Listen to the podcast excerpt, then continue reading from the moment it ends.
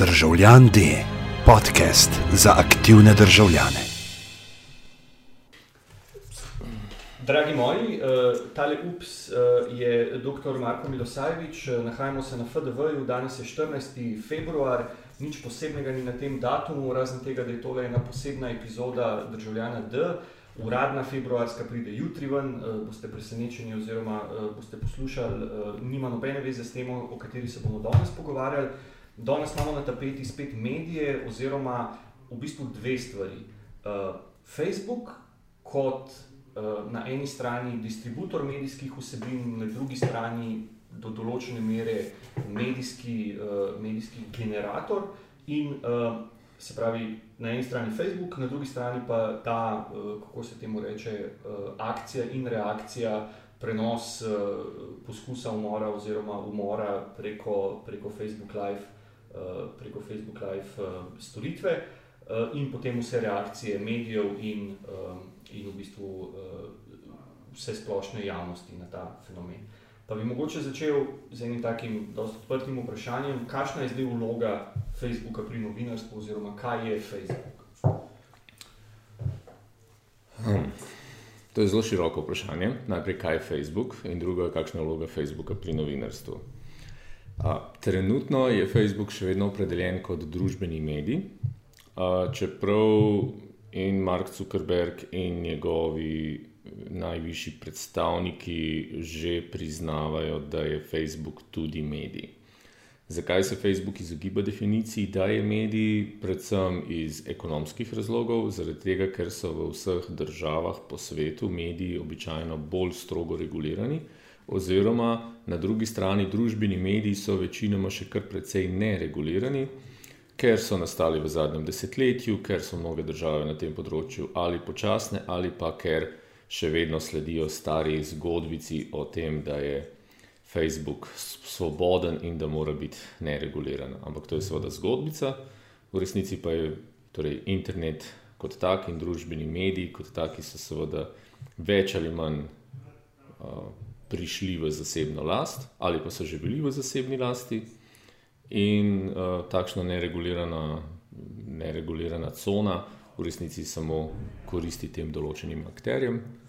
Na drugi strani imamo medije, ki so običajno zelo natančno regulirani, in to seveda pomeni med drugim, da nimamo enakih pravil za oboje, ampak da imamo zelo natančno regulirane medije, in na drugi strani skoraj da popolnoma deregulirane družbene medije oziroma omrežje. Zdaj, problem pri Facebooku je, je v bistvu večplasten. Na eni strani imamo ta fenomen teh fake news oziroma laži. Na drugi strani imamo problem, recimo, ne, medijsko nepismenemu državljanu oziroma uporabniku tega omrežja, ki v bistvu dobiva preko nekih filtrov informacije, predvsem po, po, po družabnem spletu. In na tretji strani imamo v bistvu te algoritme tega družabnega spleta, ne, ki ga zavijajo v neko vato, v nek filter bubble, v katerem je vse lepo, vse prav, oziroma točno tako, kot ti misliš, da je. Uh, Zdaj, kakšna je bila vloga, oziroma če smo se zdaj, če smo se zdaj malo pogovarjali o tem, uh, v čem je razlika med družabnim spletom in medijem, me zanima, kakšna je bila vloga uh, Facebooka pri, oziroma družabnega spleta pri teh ne, fenomenu fake news oziroma tej propagandi, ki se je pred in med in očitno še po ameriških volitvah uh, dogajala pač na, na, na družabnem spletu. Um, do določene mere fake news v resnici sledi uh, delno samim medijem in novičarskim vrednotam, in na drugi strani sledi enemu drugemu algoritmu, to je seveda Google algoritem v brskalnikih. Um, zato, da bo vaša zadeva na Google bolje prikazana, je zelo pomembno, katere ključne besede uporabljate. In če v vaših tekstih, prispevkih, itd. omenjate določena imena, ki so bolj popularna, bo tudi načeloma vaš, vaša povezava više uvrščena. S tem, ko je više uvrščena, je večja verjetnost, da bo več ljudi klikalo in potem imamo seveda ta začaran krok. In nekdo, ki razmišlja zelo, recimo, tržno, ker pri fake newsu imamo tudi tiste, ki razmišljajo povsem tržno. Na drugi strani imamo tiste, ki razmišljajo ideološko. Tisti, ki razmišljajo povsem tržno, torej uporabljajo za magnet nekatera atraktivna imena, atraktivne pojme, kot je uh, spolni škandal, kot je smrt, kot so podobne stvari, za katere je jasno, da jih ljudje radi klikajo. Če to povežeš z popularnimi imeni, če v to mm, enolončnico dodaš še kakšne škandalozne prvine, uh, potem je seveda jasno, da je veliko ljudi uh, na te stvari klikalo. Um, s tem je povezan dodaten fenomen, da veliko ljudi stvari na internetu ali na Facebooku zelo preleti in uh, je zelo pomemben naslov. In eventualno še podnaslov, ki privabi ljudi. In če je v tem naslovu nekaj zelo mamljivega, potem bodo seveda ljudje na to klikali, to bo seveda povečalo obisk teh spletnih strani in s tem seveda oglaševalske prihodke teh strani, kar je lahko za nekega posameznika um, povsem, povsem dovolj atraktivno. Um, Facebook in, in uh, fake news, spet podobna logika. Facebook zanima obisk, zanima čas, ki ga ljudje preživijo na Facebooku, zanima jih uh, angažiranost ljudi, skratka, klikanje. In um, Facebook na nek način nima motiva, da bi razčistil s temi fake newsi, zato ker to predstavlja del njihovega prometa in seveda potem del časa, ki ga ljudje preživijo na, na Facebooku. Uh, in način, kako ljudje najdejo sploh ta Facebook, ker sem pripričan, da veliko ljudi tega ne najde prek Google, ampak najde uh, in preiskalnikov, ampak ravno prek družbenih omrežij. Skratka, ne, Facebook nima neke ostale motivacije, razen kar bi moral imeti, je bodi si neka etična odgovornost, da tega ne razširja, pa za kar vidimo, da um, te volje do sedaj ni bilo. Uh, In na drugi strani spet neka zakonska zahteva, ker je popolnoma jasno, da če bi nekaj podobnega razširil nek množični medij, bi že zdavnaj seveda padle tožbe za najrazličnejših, uh, najrazličnejših strani.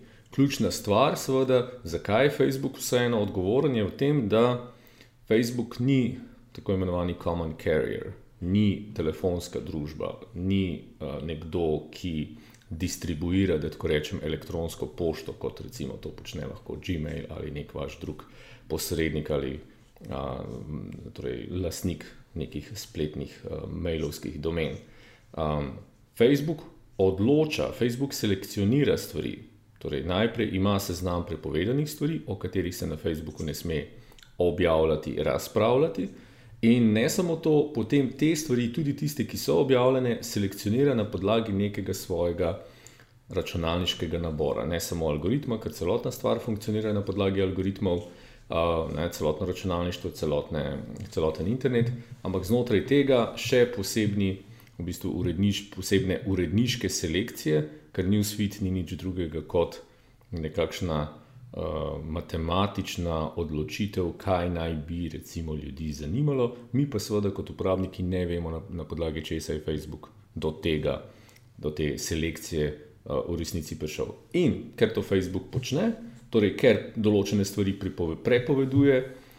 In ker na drugi strani selekcionira stvari in jih določene tematike favorizira, je popolnoma jasno, da upravlja klasično funkcijo, ki jo upravljajo tudi množični mediji, če tudi ne ustvarja vsebin sam. Ampak to ni nikjer pri nobeni definiciji medija, to ni ključna karakteristika. Um, in mi imamo množico medijev, ki svojih vsebin ne ustvarjajo. Tipičen primer so recimo kabelski programi, ki enostavno reproducirajo stare filme ali stare mm. nadaljevanke. Oni nimajo zaposlenega nobenega ustvarjalca, kaj šele novinarja.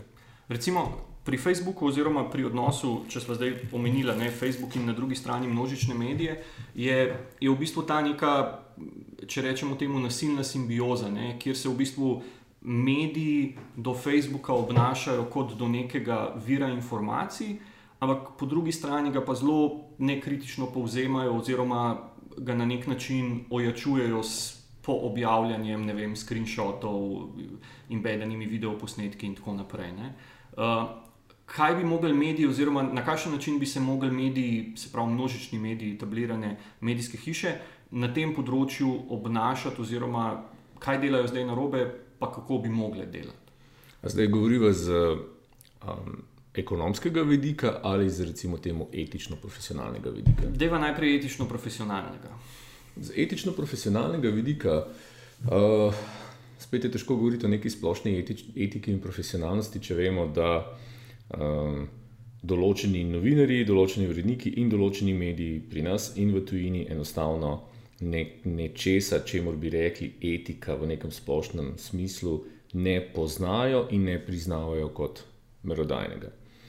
Um, takšno je nažalost stanje, da torej v tem poklicu in v, v tem poslu, uh, kakorkoli obrnemo, je veliko ljudi, ki nažalost ne čutijo nobene zadržanosti pred tem, da bi recimo objavljali najbolj gnosobne posege ali v zasebnost ali med um, žalujoče, v, v, torej v, z tega vidika tudi zasebnost, zasebno življenje, ko recimo nekdo umre, ko se zgodi tragedija in tako naprej. Ne govorimo samo o paparacih, fotografijah na plaži. Mm.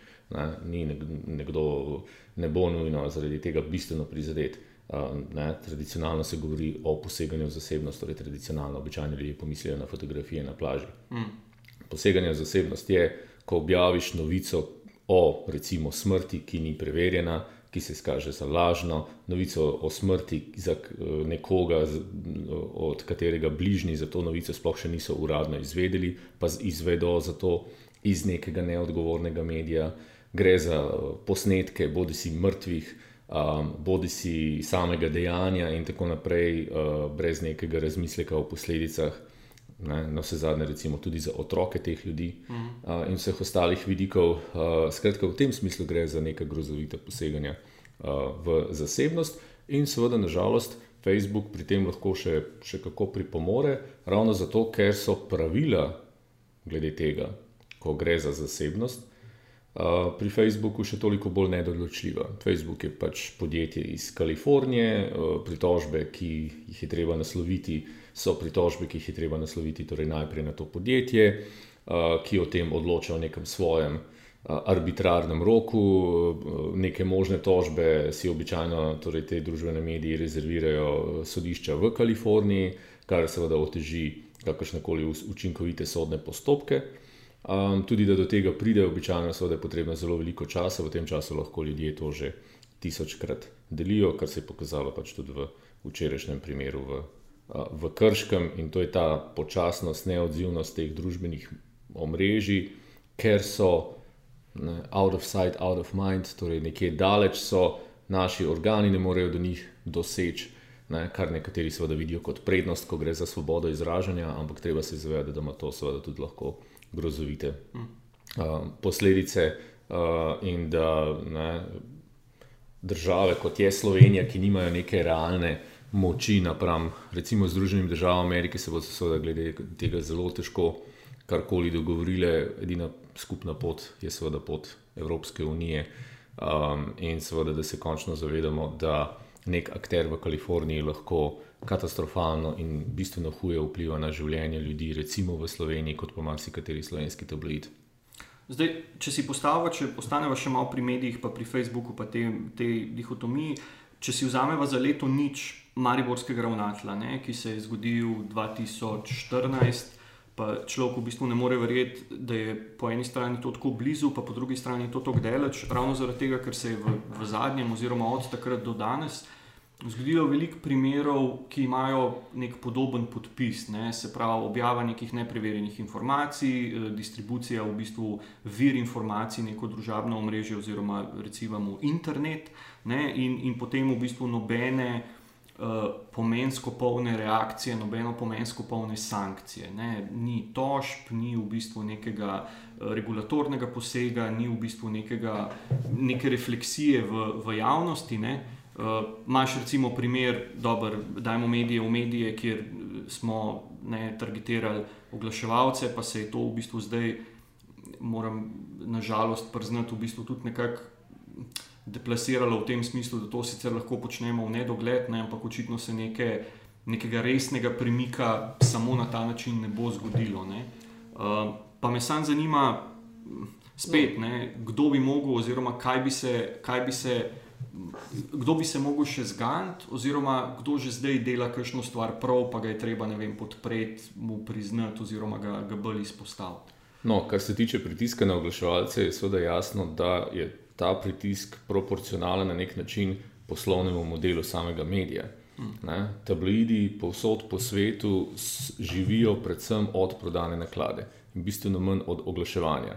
Kakovostni časopisi in komercialna televizija živijo, torej komercialna televizija od oglaševanja, kakovostni časopisi bistveno več od torej različne proporce, ampak že več od oglaševanja, kot pa od prodane naklade. Skratka, pri recimo tiskanih tabloidih je pritisk na oglaševalce relativno irrelevanten ne? in bo dosegel zelo, zelo omejene uh, učinke.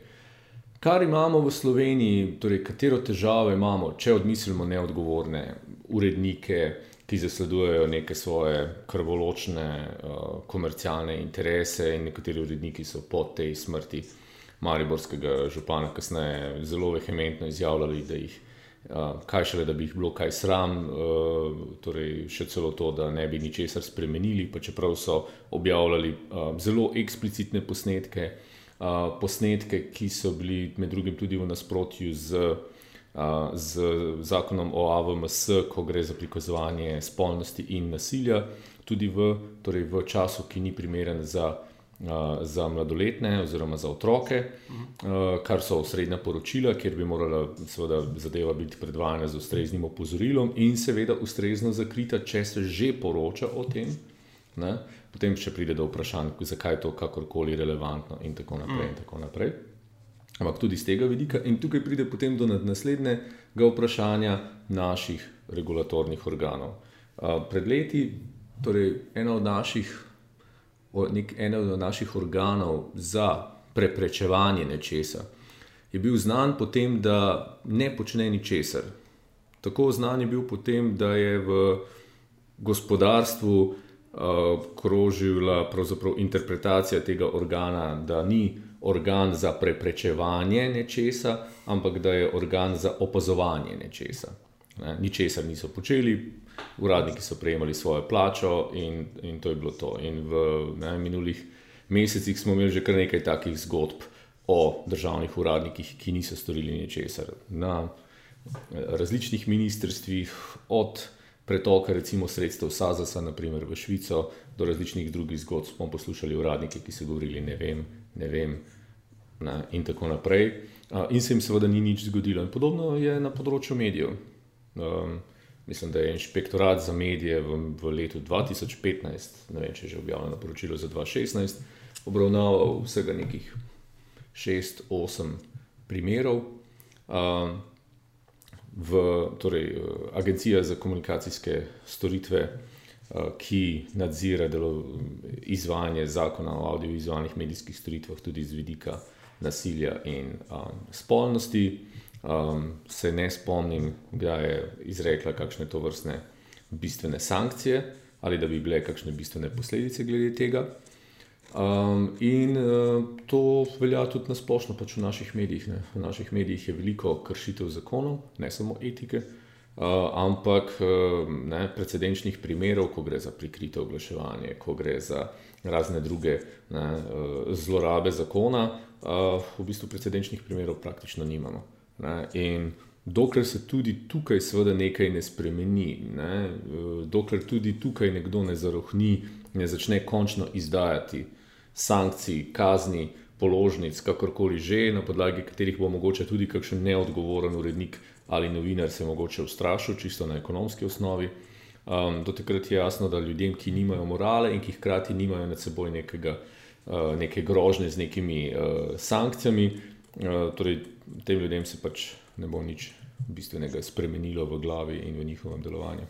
Zdaj, ko govorimo o nedelujoči ne ali pa neučinkoviti regulaciji, ne, obstaja se mi zdi več razlogov. Ne. Eno je mogoče čisto enostavno, da, da recimo ni dovolj prijav ali pa da se v bistvu ta mehanizem ne uporablja. Drugo je, da recimo pravna, pravna struktura ali pa zakonodaja ne omogoča preganjanje takih, takih um, um, kršitev. In tretje je v bistvu ta že omenjena ne, neučinkovitost organa. Ampak neučinkovitost je v resnici, ne, je v resnici eufemizem. To, je, to so enostavno nekateri ljudje, ki so leni, nekateri so nesposobni, nekateri so pokvarjeni. To je zadeva, je precej eh, jasna in enostavna. Um, takšno delovanje imamo v Sloveniji že več kot 20 let, posebej na področju medijev, uh, ko so se dogajale najrazličnejše zlorabe. uh, in se praktično noben od teh organov ni izpostavil, ni uh, v 25 letih naredil enega pomembnejšega primera, kjer bi jasno pokazal neko ločnico med prav in narobe. Ne? Jaz se v 25 letih pravzaprav ne spomnim nobene to vrstne odločitve, kar pomeni, da ne gre samo za eno osebo ali za en organ, ampak gre za najrazličnejše organe. In, in to je seveda tudi ena od tistih temeljnih. Uh, ene od tistih temeljnih težav v Sloveniji. Mi imamo zakone, v zakonih imamo tudi sankcije. V 90-ih smo imeli zakone, v katerih ni bilo sankcij.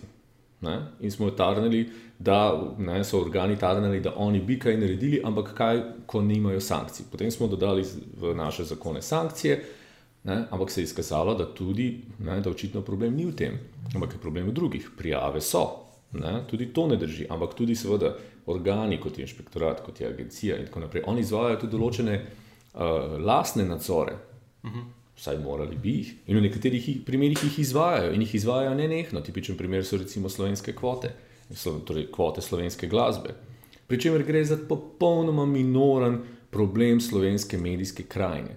Torej, glasbene kvote so ne, mogo, mogoče en odstotek v primerjavi z ključnimi problemi slovenske medijskega, slovenskega medijskega prostora.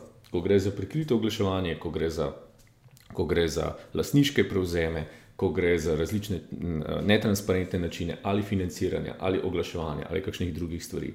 Ko gre za vrsto drugih zadev, tudi kot to vrstne stvari povezane z spolnostjo, nasiljem, zasebnostjo in tako naprej, imamo bistvene hujše stvari um, ne, na področju oglaševanja, na področju koncentracije in tako naprej. Ne. Torej, organi se ukvarjajo z določenimi stvarmi, kjer imajo neko motivacijo ali pa osebni motiv, um, ali pa se počutijo varne, da lahko to počnejo, um, medtem ko ostalih stvari pač enostavno ne počnejo. Jaz sem bil že nekajkrat v situaciji, kjer sem govoril z um, ljudmi iz politike, na javnih prostorih, v državnem zboru, na odboru za kulturo državnega zbora, na odboru za kulturo državnega sveta in v pogovorih z ministri, z ministrico predhodno za kulturo, v pogovorih s predstavniki recimo AKOS-a navedo najrazličnejše primere kršitev zakonodaje. In ti ljudje, vključno z ministrom Tonatom Pršakom, vključno s prejšnjo ministrico Ljuljano Bizjak Mlakar in mnogimi drugimi, so sedeli in niso odgovorili nič. Oni niso rekli, nisem vedel za ta primer, bomo preverili, ali to drži. Zdaj, jaz ne pričakujem, da bodo rekli, da je to grozno in da bodo nekoga kaznovali. Ampak lahko vsaj rečejo, nismo vedeli, bomo preverili, ali vaše navedbe držijo. Ravno kar sem naznanil kaznivo dejanje oziroma kršitev zakonodaje, in organ bi moral po svoji uradni dožnosti odreagirati, preveriti. Hmm. Nihče ni nič takega rekel. Ne? In, in nič se ni zgodilo. Poslušali so, gledali v strop, gledali skozi okno in verjetno potem odšli in nadaljevali po starem. Skratka, ve se, prijave, tudi uradne prijave so. Ne? Ljudje to opažajo. Ne? Novinari vedo ali poročajo ali kakorkoli že, in vendar se v zvezi s tem ne zgodi praktično nič. Okay. Pa če greva zdaj, mogoče tako v, v tem zaključku, uh, na pozitivno stvar ali pa na ulogo pač končnega uporabnika oziroma posameznika. Ne? Zdaj, pri, recimo pri Facebook algoritmih, je v bistvu je na nek način vredno opozoriti, da ne obstaja pasivna raba. Ne? Da tudi če recimo zadevo samo gledaš in je ne deliš naprej, oziroma ne, ne daješ nekih interakcij od sebe, se to pozna na algoritmu, oziroma se ta vsebina pač uh, pojavlja na. Na um, više v, v tem newsfeedu. Ne. Podobno je recimo pri, eh, pri medijih, znanje recimo, ne vem, zadnjič je bil en, en pa kar bizaren uh, odziv na, uh, uh, na moj komentar o tem, da zakaj mediji pišejo o tem in potem se je nek novinar, urednik oglasil in rekel, ne, da če ljudje uh, hočejo bele žemlje, kakšne žemlje bo pek v pek. Ne. Eh, pa pustimo zdaj to bizarnost, da novinarstvo primerjaš uh, s pekarijo. Ne? Ampak obstaja, mislim, kaj lahko naredi končni uporabnik? Ok, rekli smo bojkot oglaševalcev, uh, bojkot nekih, nekih edicij v totalu. kje so še, recimo, vem, mogoče tudi na srednji ali pa na dolgi rok. Če je v Sloveniji 2 milijona prebivalcev, sem pripričan, da je med njimi toliko in toliko tisoč ljudi, ki izredno uživajo v tabloidnih vsebinah, ki uživajo v krvavih fotografijah, v krvavih naslovih, ki uživajo v zgodbah iz uh, življenja drugih ljudi, s katerimi nimajo absolutno nobene povezave, ampak uživajo v tem, ko uh, poslušajo o groznih ali umorih, ali zlorabah, uh, ali na vse zadnje nesrečah in podobnih rečeh. Um, kakšen je ta odstotek? Na nek način se kaže ravno v prodaji določenih ali tabloidov ali uh, ali seveda gledanosti posameznih vsebin tudi na televiziji, na Facebooku in tako naprej. Ampak ta odstotek obstaja. In, ne, in uh, tudi, če se prepreči oglaševanje v nekaterih medijih, ne, je, je dejstvo, da ne, ti kupci teh vsebin bojo verjetno te, recimo, tabloide kupovali v bistvu še naprej. Skratka, ne gre za to. Ne, uh, Um, gre za to, da tisti, ki smatrajo, da je zadeva neprimerna, da je nezakonita ali da je nemoralna, da se oglasijo. Pa da se oglasijo na artikuliran način, v, kot je tudi pomembno v pravni državi. Namreč, da se oglasijo, ko gre za programe javne radio televizije, da pišejo na ustrezne naslove, na uredništvo, urednikom ali seveda varuhu gledalčevih oziroma poslušalcevih uporabnikovih pravic ali na programski svet, naj piše generalnemu direktorju, komu želijo. Ko gre za um, ostale medije, naj pošljajo prijavo na inšpektorat za medije, naj pošljajo prijavo na AKOS, naj ukrepajo, ko gre za stvari na, na, uh, na Facebooku. Zakaj se odzovemo, ko vidimo recimo kakšne spam ali kakšne podobne stvari na Instagramu ali kje drugje in pogosto mimo grede, ker imamo samo dva klika stran, prijavimo zadevo kot spam kot nezaželjeno, kot uh, nelegalno. Tam to prijavimo, ko gre za kakšne to vrstne stvari, v bistvu zadeve ne prijavimo. Ne vem, kakšen je podatek, recimo za včerajšnji dogodek. Poleg tega je 2000 ljudi to delilo, da je 1900 ljudi lajkalo video posnetek ne, ne, nekoga, ki pretepa nekoga drugega, pravzaprav na smrt. Ne, kar so zelo zgovorne številke. Me zanima tudi, koliko je bilo prijav na Facebook. Ne? To je seveda samo Facebook, ampak tudi, tudi to bi bilo zanimivo ugotoviti. Če bodo naši organi videli, da njihovo delo ne more potekati ignorantsko, da njihovo delo ne more potekati tako, da na koncu leta zapišejo letno poročilo, da so upravili štiri primere, pa da so opazili mogoče, da nimajo ravno veliko dela na tem področju, ne, ampak vseeno nekoga ne prerasporedijo mogoče na tisto področje, kjer pa je veliko primerov ali kjer je veliko dela.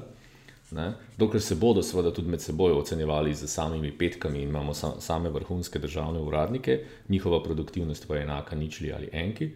Ne, do, ne, do tega odziva javnosti se potem te stvari lahko zgodijo. Če so vsi tiho, če vsi gledajo skozi okno ali gledajo v strop, medtem ko jim nekdo dopoveduje, da prihaja do kršitve zakonodaje. Meni je grozno, da leta 2015, 16, 17 to še vedno poteka na tak način. Če je to potekalo leta 90, 91, 92, smo to lahko najverjetno pripisali kakšnim začetnim demokratizacijskim težavam, tegobam in starim kadrom. Ne?